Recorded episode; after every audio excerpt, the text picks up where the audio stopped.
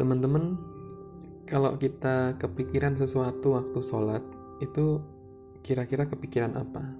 Biasanya. Biasanya kita kepikiran kompor yang belum dimatikan misalnya kepikiran pintu yang nggak dikunci uh, laptop yang belum dicabut chargernya atau apa namanya misalnya ada pesan WhatsApp yang harus segera dibalas begitu. Dan itu membuat kita mempercepat sholat kita kemudian uh, setelah sholat langsung lari begitu dari tempat situ kemudian ke urusan kita yang belum selesai. Nah tetapi ada yang berbeda begitu ketika hal ini terjadi pada Rasulullah. Pernah suatu kali Rasulullah Shallallahu Alaihi Wasallam itu mengimami sholat asar. Lalu beliau itu mempercepat sholatnya Nah, ketika selesai sholat, setelah salam, beliau segera meninggalkan tempat sholat itu menuju ke salah satu bilik di rumah beliau. Para sahabat keheranan, ada apa dengan Rasulullah? Ketika ditunggu sebentar, Rasulullah itu datang lagi, ternyata beliau itu bawa emas. Beliau bawa emas dan beliau mengatakan begini, Emas ini telah mengganggu sholatku. Aku ingin bebas dari ini. Sabda beliau sambil membagi-bagikan emas itu kepada mereka yang membutuhkan.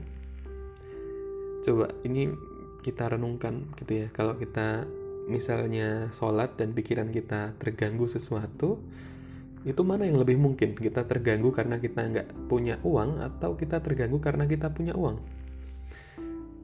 Nah, ternyata Rasulullah itu justru merasa terganggu karena beliau punya emas di rumah. Gitu. Karena beliau merasa emas ini harus segera disedekahkan, harus diberikan begitu.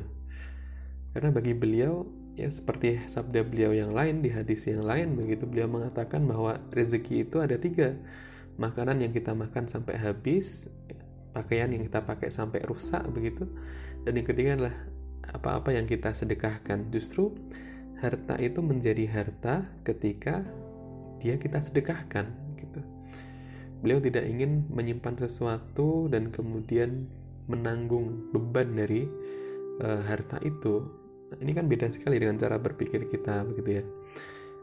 Justru kita bisa merasa tenang ya, tidur tenang itu ketika kita merasa di tabungan ATM kita itu isinya banyak. Padahal ketenangan yang sejati itu didapatkan bukan dari harta benda, ya, melainkan ketika kita bisa bertawakal kepada Allah Subhanahu wa taala. Nah, ini hanya secuil kisah begitu dari kisah kehidupan Rasulullah yang beliau mencontohkan bagaimana sikap beliau terhadap harta.